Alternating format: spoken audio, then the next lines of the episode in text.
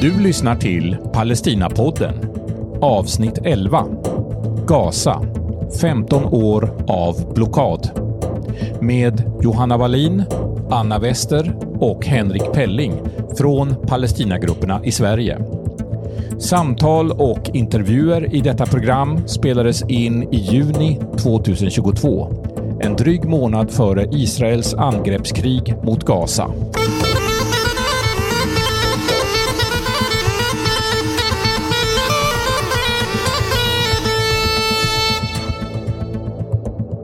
Idag kommer vi att prata om Gaza, som är en del av det ockuperade palestinska området, men geografiskt skilt från Västbanken och östra Jerusalem. Man brukar kalla Gaza för världens största utomhusfängelse. Och Israel kontrollerar både kusten och havet och luftrummet och gränsövergångarna, förutom vid gränsen till Egypten, som oftast är stängd. Israel kontrollerar också vilka människor som får komma in och ut ur Gaza och vilka varor man kan importera och exportera. Israel har också försatt befolkningen under blockad sedan Hamas tog över makten i Gaza, och det var 2007. Och den här blockaden har inneburit en ekonomisk och humanitär katastrof för Gaza. Minst 80 procent av befolkningen är beroende av humanitärt stöd och situationen blir bara mer och mer akut. Och redan 2012 larmade FN om att det 2020 skulle vara omöjligt att leva i Gaza. Och ja, nu är det 2022. Blockaden går alltså in på sitt femtonde år och läget blir bara värre. Anna, du har ju just kommit hem från Palestina, där du har varit i två veckor, och bland annat besökt Gaza. Jag kom hem ganska nyligen och jag måste säga att i tankarna är jag till viss del fortfarande kvar i Palestina. Kom, liksom kastades in i den svenska sommaren och kontrasterna blev eh, så väldigt tydliga. Och eh, så var det lite speciellt också, för det var första gången som Palestinagrupperna kunde åka till Palestina efter pandemin.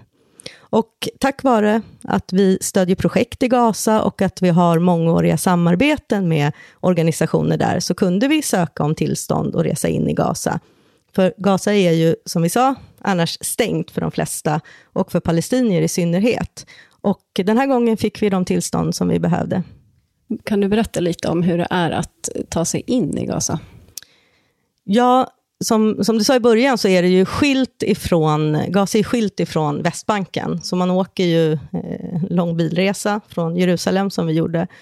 Och sen så kommer man då till en stor vägspärr, eller det är mer som en terminal, så det känns som att man ska åka utomlands, eh, där Israel kontrollerar alla som passerar. Och man måste ju som sagt ha tillstånd i förväg innan man får, får eh, gå igenom.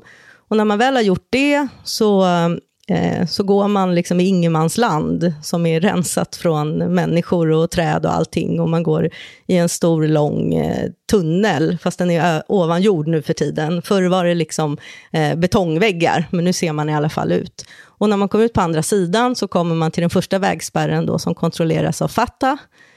och då visar man sina pass och förklarar vad man ska göra där.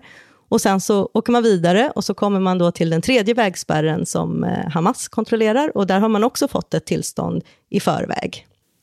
Ja, det är en krånglig väg in, men en i princip omöjlig väg ut för palestinier, som vi pratade om tidigare. Hur var det att vara tillbaka då, efter så lång tid? Ja, jag har varit i Gaza ganska många gånger, men under perioder då så har vi inte fått tillstånd att komma in. Eh, så att det var väldigt många känslor när jag tänker eller när jag pratar om Gaza. Och det är framför allt kontraster, det är liksom det ordet som slår en. Och det är kontrasterna mellan det fina, som då framför allt är alla fantastiska människor som man möter, men också allt det hemska. Så det blev ju många härliga återseenden och spännande, intressanta möten. Men också att man hela tiden känner en ilska och frustration över situationen, som är så fruktansvärd på så många sätt. Dels blockaden, orättvisorna och så all misär som blockaden och eh, ockupationen har skapat. Arbetslösheten är skyhög och nu har ju människorna i Gaza tvingats gå igenom ännu ett brutalt anfallskrig. Precis. I maj 2021 så bombade ju israeliskt stridsflyg återigen befolkningen i Gaza. Och det var fjärde gången sedan den här blockaden inleddes. Och det betyder ju att det finns unga människor i Gaza som har upplevt fyra krig under sin barndom, vilket är ja, svårt att föreställa sig överhuvudtaget. Eh, och sen är det ju också då en blockad på det som gör att man inte kan eh, bygga upp det som har förstörts och inte får en chans till återhämtning efter det här kriget. Och också att, gissar jag, att det finns en konstant oro över att det ska hända igen. Ja, i alla samtal, i alla möten man hade. Man kan sitta och prata om maten eller om vädret. Sen så kom det ändå upplevelserna ifrån eh, det senaste anfallskriget. Och flera sa att det förvisso inte pågick lika länge som tidigare attacker, som 2014 till exempel. Men alla sa att det var mycket brutalare. Alltså, det var mycket värre bomber på något sätt. Och sen var inget område förskonat den här gången. Men som sagt, kontraster. Trots allt det här så kämpar ju människor på i sin vardag. Unga studerar, drömmer om en framtid. Men som de då vet att de inte kan få i Gaza så länge ockupationen och blockaden är kvar. Mm. Du träffade ju familjer i de mest utsatta områdena i Gaza också. Besökte bland annat Beit Hanun, Beit Lahia, som ligger nära gränsen till Israel. Och det är alltid de som drabbas hårdast vid de här krigen, men också däremellan. För det är ständigt militär närvaro. Och eh, det bombas ju även när vi inte ser det i nyheterna. Och då är det ju i gränsområdena som det bombas. Och bland annat så träffade jag en familj där Mohammed, som nu var nio år, eh, som för ett år sedan så skulle familjen till mormor och morfars hus. Och Mohammed hittade vad han trodde var en leksak som han plockade upp.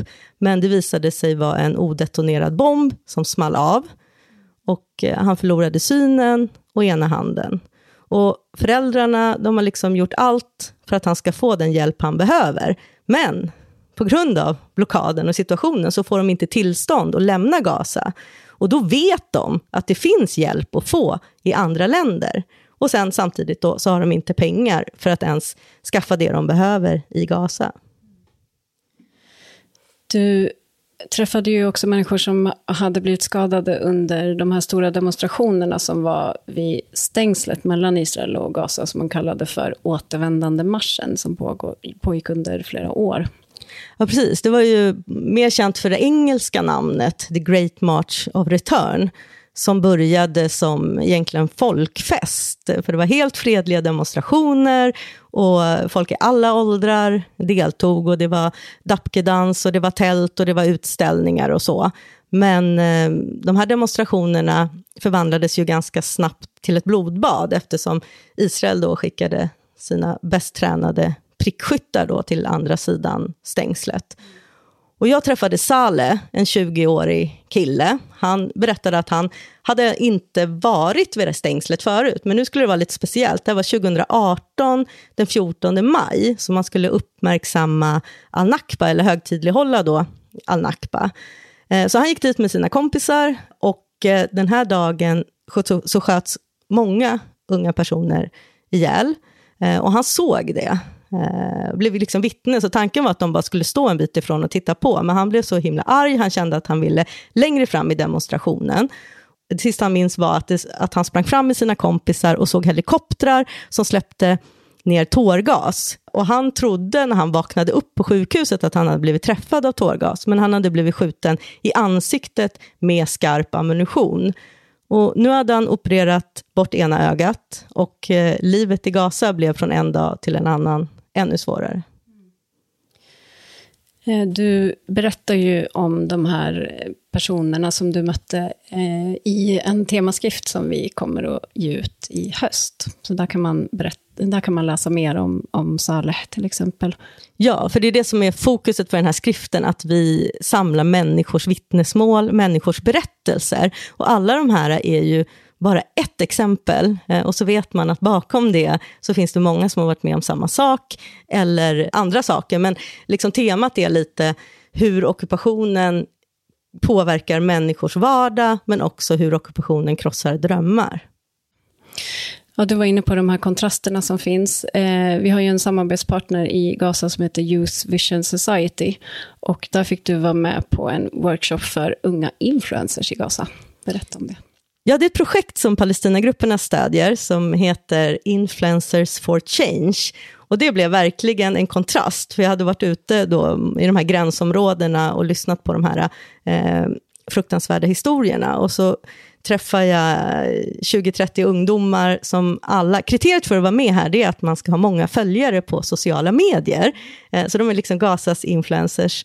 Eh, och i det här projektet då så lär de sig om mänskliga rättigheter och har då eh, postar saker som, som har med det, med det att göra. Och där, de flesta pratade ju jätte, jättebra engelska. Och jag träffade bland annat Hind, som jag sen gjorde en intervju med. Och hon studerade engelska, men hon sa det att eh, när hon pratade med oss från Palestinagrupperna, så var det första gången hon pratade med någon från ett annat land. Eh, och då var det liksom mycket positivt och mycket av den här kraften som, som människor där har, liksom, för att kunna leva sina liv.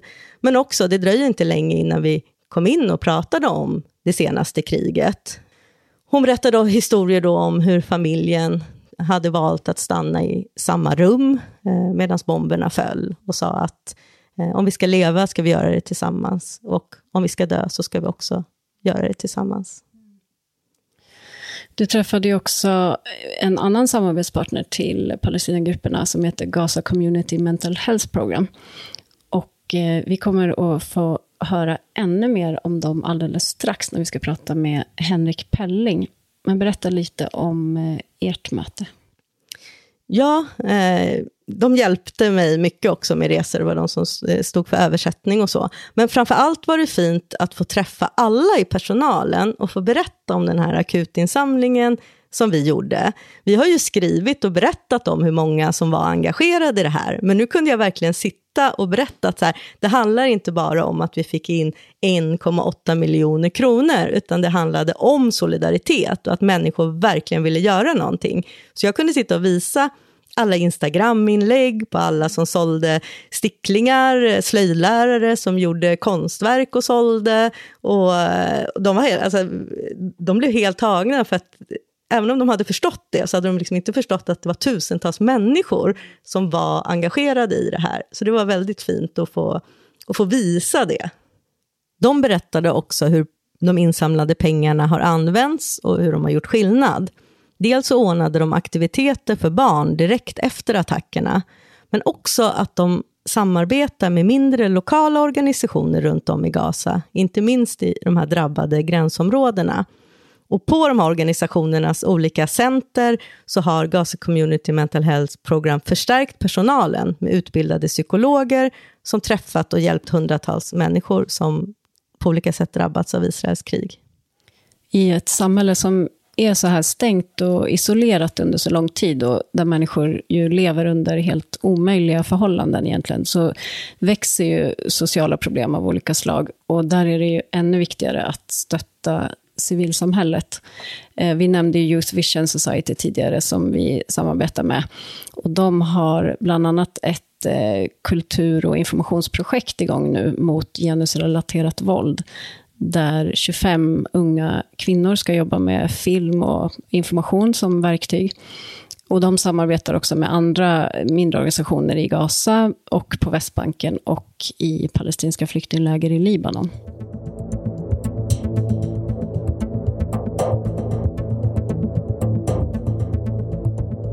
Välkommen till Palestinapodden, Henrik Pelling.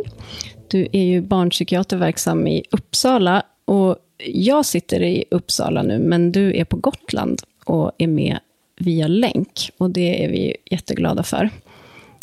Och en rättvis presentation av dig skulle ju förmodligen ta upp halva det här programmet, så jag försöker mig på en kort istället.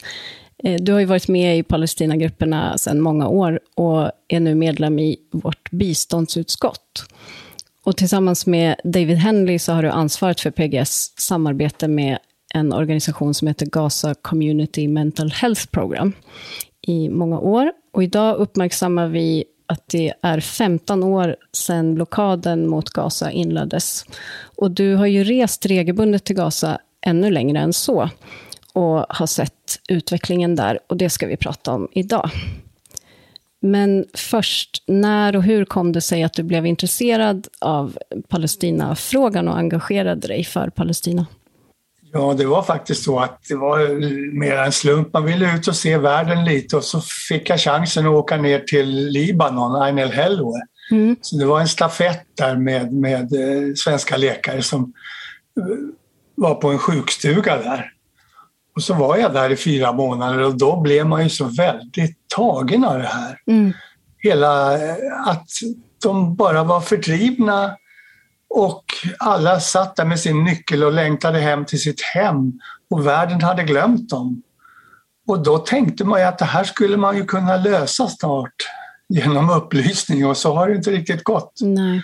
Men det fanns en optimism i luften att det här är någonting som är så orättvist så det här måste man göra någonting åt. Och samtidigt så som fick jag det här intresset då för den psykiatriska delen, mentala hälsan. Det är en så viktig del när man lever som flykting under sådana förhållanden. Så faktiskt året därpå så började jag min psykiatriska bana i Uppsala. Då, mm -hmm. På det som då hette Kronåsens sjukhus. Som, som var för svårt psykiskt sjuka barn. Och ute på Ulleråkersområdet. Mm. Och, och det jag upplevde där, det var ju att vi hade massor med resurser, men vi gjorde ju det mesta fel. Så då föddes den här tanken, det här borde man kunna göra mycket bättre om man fick börja från början. Och den chansen fick vi sen när vi fick kontakt med Yad eh, el-Sarraj från Gaza. Och när var det? Han kom till Sverige 1987 mm. och eh, inbjuden av Palestinagrupperna och pratade på ett möte där. Och, och då eh, så pratade David Henley och jag med honom. David Henley var på habiliteringen och jag var då på barnpsykiatriska kliniken. Och eh, vi tyckte att vi var bra. Han var barnneurolog och jag var barnpsykiater. Och det var precis vad Ejad egentligen efterfrågade. Mm. Han ville ha kontakt med den typen av kompetens uppe i Europa och han ville också ha bra idéer för hur kan man starta helt nytt eh, mentalhälsoprogram. För han var den enda utbildade psykiater vid den tidpunkten i Gaza. Han var erbjuden att jobba på deras stora mentalsjukhus. Men det var ett sånt där fruktansvärt nedgånget gökbo helt enkelt. Mm. Han ville ju inte det, utan han ville starta från, från scratch. Och då pratade vi om hur man, våra drömmar och hans drömmar, det överensstämde väldigt mycket. Mm. Man kan inte ha folk i sjukhussängar, det är inte någon lösning på några, i stort sett några problem. Men däremot så finns det väldigt mycket kunskap som man kan ha nytta av. Och eh, han fick ju då bland annat från Sverige, men även från andra ställen, insamlat. Så 1990 kunde han dra igång ett sånt här mentalhälsoprojekt i Gaza. Mm. Och vid den tidpunkten fanns det inget sånt. Och när besökte du Palestina första gången? Ja, det var då 1990 som jag var där nere. Då, och, och, och då var du i Gaza också? Och då var vi i Gaza och då var det bara på besök, men det var väldigt idylliskt kan man säga. Det var så många drömmar då. Mm. Han hade ju den här idén med mental hälsa och mänskliga rättigheter. Det är ju verkligen någonting som är så tätt sammanlänkat. Så att han mm. ville ha en mentalhälsoorganisation i Gaza, men också så var han då ordförande i Läkare för, eh, för mänskliga rättigheter i, eh, i Palestina, Iyad el-Sarraj. Och han hade då väldigt bra samarbete med motsvarande Eh, läkare för mänskliga rättigheter i Israel.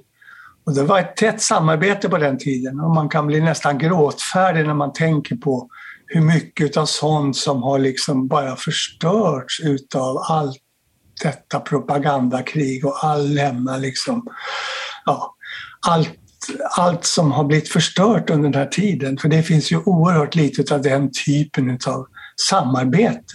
Mm. Precis, och du har ju besökt Gaza regelbundet under åren. Eh, kan du säga någonting om hur situationen har förändrats? Ja, det var väldigt stor skillnad då 1990. Det var ju väldigt lätt att komma in och ut. Mm. Och det var ju väldigt många i Gaza som arbetade inne i Israel. Och många av dem kunde ju då en hel del hebreiska. Många hade ju israeliska vänner och många i, i Gaza åkte in och studerade också i, i, Israel och så vidare. Så det fanns en helt annan... Man såg varandra. Mm. Och personer från Israel hade inga svårigheter att komma till Gaza heller. Så att de första konferenserna som Gaza Community Mental Health höll, då var det mycket folk från Israel där. Alltså. Mm. Plus övriga delar av världen. Och det var ju lätt att åka dit och det var intressant att träffas. Och man hade till och med handledning på kliniken från psykologer på Tel Avivs universitet. Mm. Det går inte att tänka sig idag. Nej, precis. Man utmålar Gaza som skrämmande och hemskt och att eh, man kan inte sätta sin fot där om man är israel. Det där är ju påhitt. Mm. Det finns inte sånt, det har aldrig funnits några sådana hot men, men man uppammar en sån bild utav att de är liksom hotfulla och de vill bara skada oss. Mm. Vilket inte är sant, men det är hemskt att den bilden har kunnat få så stort utrymme. Ja, verkligen. Det är ju inte så många som har varit i Gaza. Eh, och för någon som inte har det, kan du beskriva lite grann hur det är? Eh, både det som är bra och det som kanske inte är så bra. Och det som är bra det är ju, det är ju att det finns en, en, ändå en stolthet trots att man är så instängd och så förtryckt så är ju alla är, vet ju att det är ockupanterna som har ställt till det mesta eländet. Utifrån så säger man att det är inre fraktionstider och det är, de är ju, men det man upplever där är att det finns ju en stor enighet, en stor stolthet att vi är utsatta för det här och vi, mm vi gör så gott vi kan hela tiden. Det gör man verkligen alltså. Mm. Det är ju brist på det mesta. Mm. Och man får ju inte helt enkelt skapa någonting riktigt bra och nytt. Så den industri man har haft, den har man ju målinriktat bombat sönder. Ja, precis. Och lantbruket, mycket av den bästa jorden ligger ut med gränsen så att säga på, på Gazasidan. Där har man ju alltså sprutat då, med giftiga kemikalier för att det inte ska kunna växa några träd som de säger, så de ska kunna gömma sig bakom och skjuta mot den där muren. Det är helt, när man är där så ter det sig helt absurt. Alltså. Mm. Hur kan man bete sig på det här sättet? Hur kan man bespruta ett annat lands ockuperat område med gift utan att världssamfundet reagerar i, i någon större utsträckning. Det, mm. det, man förstår inte när man är där egentligen. Nej. Och Gaza har ju varit utsatt för eh, inte bara ett, utan fyra anfallskrig under de här 15 åren av blockad. Eh, de senaste attackerna i maj förra året, då, 2021. Och eh, då bedrev vi ju en akut insamling Eh, från Palestinagrupperna som eh, delades mellan Gaza Community Mental Health Program och eh, Palestinian Medical Relief Society i Gaza. Och vi fick ju in 1,8 miljoner på två månader, vilket ju är helt otroligt faktiskt. Eh, och anledningen till att vi kunde starta den så snabbt och, få sånt genomslag också, är ju att vi känner och litar på de här organisationerna så mycket efter många års samarbeten. Och vi vet ju också att de verkligen har haft nytta av det här extra bidraget då, som de har kunnat använda snabbt för att undsätta människor som har drabbats av, av eh, bombningarna det är väldigt viktigt att, att det finns ett ställe där folk kan söka hjälp när det blir olika akuta kriser inom mentalhälsoområdet. Och man har ju alltså en telefonservice då, då som har fungerat bra utom när det är som värst under striderna. Men sen så, så, har de ju det. Så man, dels kan man ge, ge råd och dels så, så är man väldigt duktig på att hantera media radio och tv och så vidare och föra ut information. Mm. Så det, det, har ju blivit någonting som är eh, välkänt och ansett. Och det, det är ju en väldigt spännande resa från när det här började, för då var mental hälsa väldigt mycket sånt som man inte pratade om helt mm. enkelt. Och så där har det skett väldigt mycket faktiskt. Och där har Gaza Community Mental Health också varit väldigt, till väldigt stor hjälp genom att hela tiden utbilda nya eh, som är duktiga på eh, psykiatri, mental hälsa helt enkelt. Och, mm. och, det är en tvåårig utbildning som är väldigt bra. Nu är de inte universitetsanslutna så de kan inte få en universitetsexamen men den är minst lika bra vill jag påstå. Ja, vad roligt. Och de andra verksamheter inom mentalhälsoområdet som har växt upp i Gaza sedan dess, nästan på alla de här ställena så är det folk som har utbildats då utav Gaza Community Mental Health. Och vi har ju delvis varit med i en del i den utbildningen, jag och David Henley, då, när vi har varit där på besök. Just det. Ja, det är ju en, en speciell situation minst sagt när man har en hel befolkning som befinner sig i, i en kris som pågår under så lång tid. Och, och att då jobba med mental hälsa måste ju verkligen vara en enorm eh, utmaning, kan man tänka sig. Och det hade ju inte gått om man inte hade haft, så att säga, rätt eh, angreppssätt. Skulle man vara, liksom behandla enskilda patienter då är det nästan två miljoner människor som, som, där en stor del har sån här posttraumatisk stress och så vidare. Så att man måste ju öka det här som är så svårt att översätta, empowerment. Att hela samhället måste lära sig mer om det här det finns ju en gammal kunskap naturligtvis i en sån här befolkning som har varit med om flykt och flykt igen. Det finns ju sådana kunskaper men den kan man ju spä på med också de här kunskaperna om vad innebär posttraumatisk stress? Vad måste man tänka på? Hur kan man lindra det? Det går väl inte att gå och ta bort men däremot så måste man ha en väldigt stor förståelse för alla de här mardrömmarna, alla de här flashbacksen på dagarna när man plötsligt blir helt ställd för att man är mitt i kriget fast det inte just då är något krig. Mm. Alla de här sakerna, genom att man har god kunskap om det här så kan man ju stötta varandra, ha stor förståelse. Och inte minst då i skolan, för många barn tappar ju koncentrationen hela tiden. Mm. Och, och, och, då gäller det ju att man inte går in och liksom med linjalen och slår dem på fingrarna utan man inser att det här är faktiskt ett problem som är, beror på den här posttraumatiska stressen. Precis. Som vi kan lindra på andra sätt. Då. Och hur gör man det? Ja, det är väl att från början var det väl mycket det här att lägga locket på. Men, men sen har man ju sett man kan inte heller släppa det fritt så att säga. Man kan inte leva i det här hela tiden och prata om det. Utan det är ju att man tar det vissa tillfällen som man gör i skolan där man kan, barnen kan få i grupp prata om vad de har varit med om. De kan rita, berätta och så vidare så man får det här distansen till svåra upplevelser. Så går ju all traumabehandling till. Att man, man hjärnan gör ju att man befinner sig mitt i traumat och då blir det ju bara panik.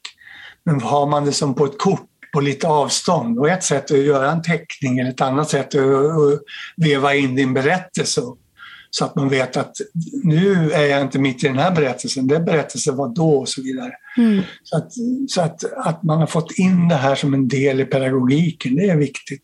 Ja, verkligen. Och det är någonting som Gaza Community Mental Health Program har bidragit till då? Absolut.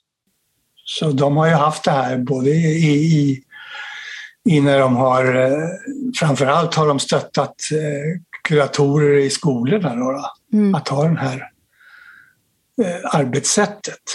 Men där är det också någonting som vi var med och introducerade faktiskt, som, som var att man skulle använda elever som medlare i konflikter. Mm.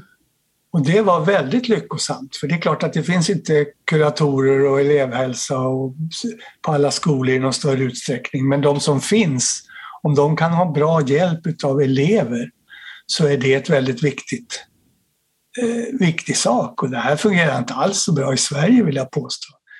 Men vi tog den här modellen från Kanada och det innebär att, att de här barnen som var lite en blandning, några som var klassens ordningsman och duktiga i klassen så att säga och några småbusar som alltid var först på plats när det var problem ute på skolgården. Mm. De fick liksom en speciell väst på sig och sen så ett manuskript hur man skulle medla i konflikten. Vad bråkar ni om? Varför slåss ni? Mm.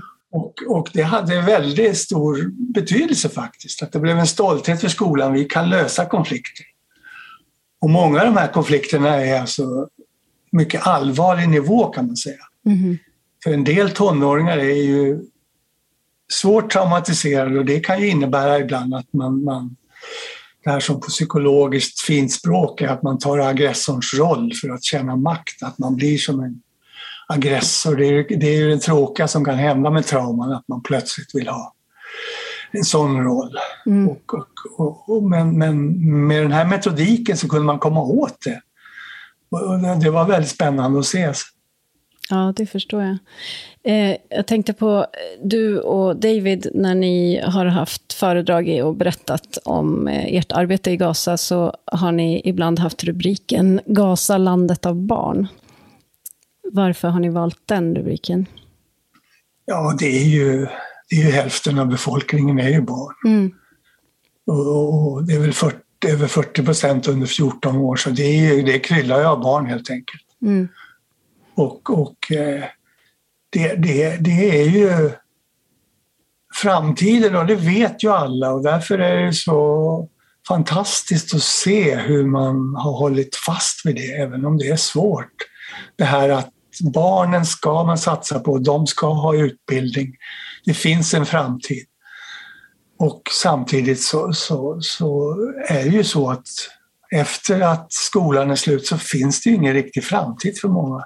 Det Mm. finns ingen arbetsmarknad. Så det där är ju svårt att hantera. Ja. Men det är ändå så att det är så mycket av strukturen i Gaza som handlar om det här. Att satsa på skolan, alla kommer där med sina skoluniformer, går till skolan. Mm. Och även när, de- man har ju till och med under några av de här anfallen har man ju bombat även skolor, men det första man har gjort då det är att sätta upp tält och sätta igång med undervisning. Mm.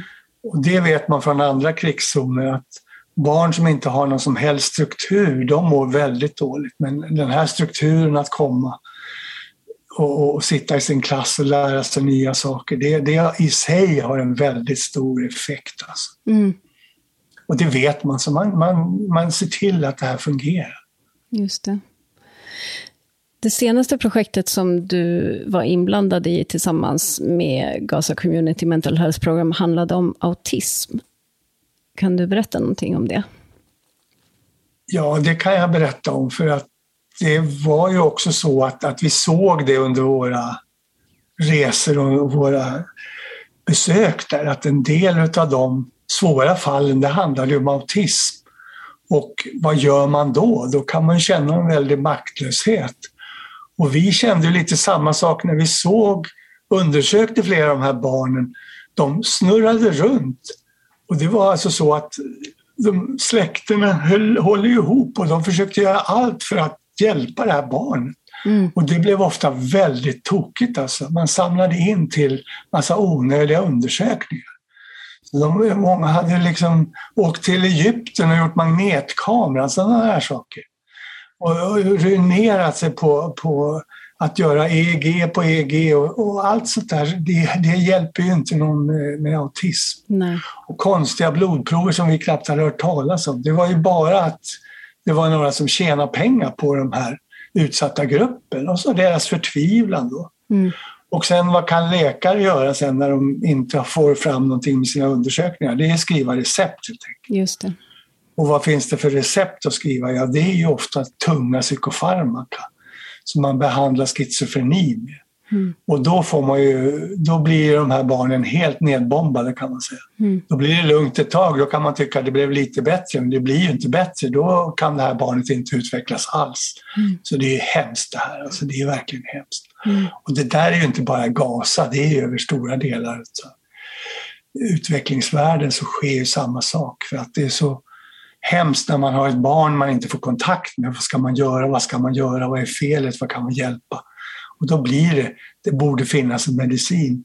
Mm. Och det finns inte medicin mot autism. Men det som finns, det är ju att man kan träna. Det som är så svårt att få kontakt, att kommunicera, det går att träna upp med rätt metodik. Och då hade vi med oss, David och jag hade med oss en psykolog och en logoped från habiliteringen i Uppsala som är experter på det där. Mm.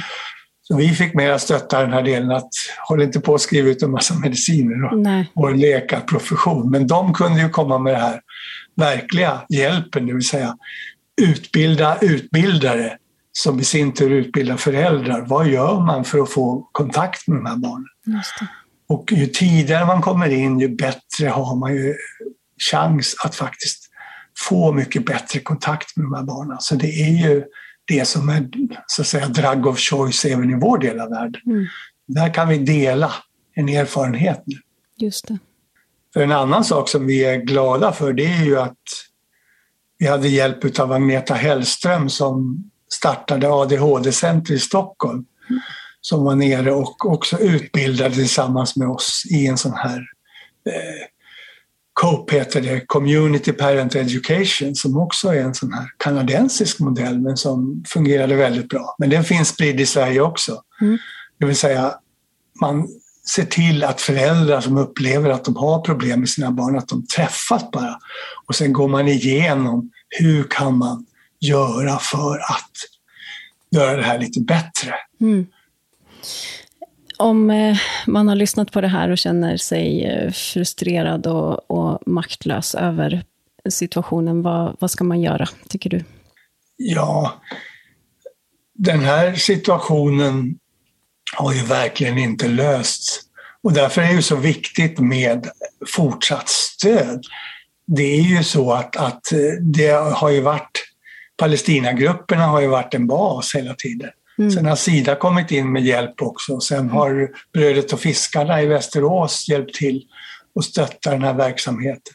Men det har ju varit en kontinuitet. Och det har vi sett så många exempel på i Gaza och det vet vi att det är på andra ställen också.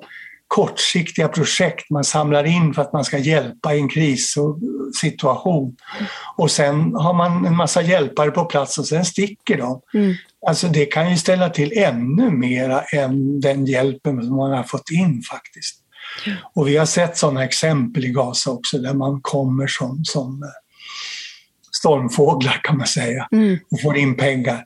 Men här finns ju en, en bas hela tiden och där kan man ju komma in med extra hjälp naturligtvis när det är som värst. Men det är ju basen som är det viktiga. Man vet hur man gör mm. när man får ut den här kunskapen om trauman. Man vet hur man gör när man tar hand om också de som är dubbelt drabbade. Mm. Det vill säga det är både trauma men det är också sådana här psykiatriska sjukdomar, neuropsykiatriska störningar. Det är klart, i de familjerna så blir det ännu värre. Mm.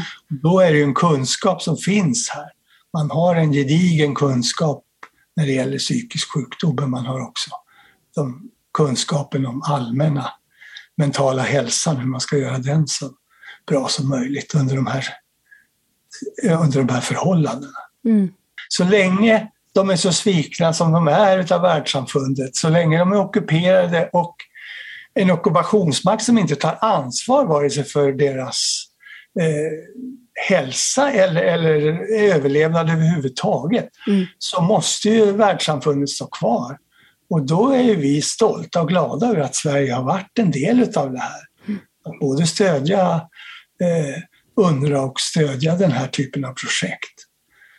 Och det måste ju ske ända tills man stoppar den här blockaden och tills man kan återskapa eh, mänskliga förhållanden helt enkelt.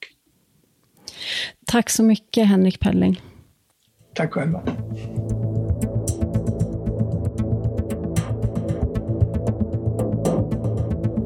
Men du Anna, det är ju, det är ju mörkt alltså. Det går inte att komma ifrån. Eh, var, var hämtar människor kraft? Var, hur, hur står man ut? Jag ställer ju alltid den frågan när jag gör intervjuer och så. Och ärligt talat, ibland känns det nästan oförskämt att fråga när man hör om den situationen som som de lever under. Men eh, jag ställer frågan och oftast så svarar de faktiskt samma sak. De svarar människorna, eh, att det blir en speciell sorts gemenskap och att man ser efter varandra. Och, eh, vilket ju är typiskt för människor som lever under, under svåra förhållanden. Men också så säger de havet. Mm. Och jag frågade till exempel Hind om det och hon sa liksom havet är det finaste vi har i Gaza. Och när man är där, det är alltså varje kväll, så, så samlas folk nere på stranden, spelar fotboll, grillar. Och en viktig poäng som hon sa, det är att det är gratis att gå dit. Som hon sa, det finns kaféer och det finns restauranger, men havet finns för alla. Och att det faktiskt är de samlar kraft och, och ro. Vi har pratat mycket om de projekt som vi samarbetar med i Gaza idag. Och vill man läsa mer om dem så kan man göra det på palestinagrupperna.se. Och vill någon kontakta oss går det också bra. Då kan man mejla på info.palestinagrupperna.se. Tack för att du har lyssnat. Du har lyssnat till Palestinapodden med Johanna Wallin, Anna Wester och Henrik Pelling. Palestinapodden produceras av Palestinagrupperna i Sverige. För tekniken svarade Per Skytt. Musik Akram Abdel Fattah och Per Skytt. På återhörande.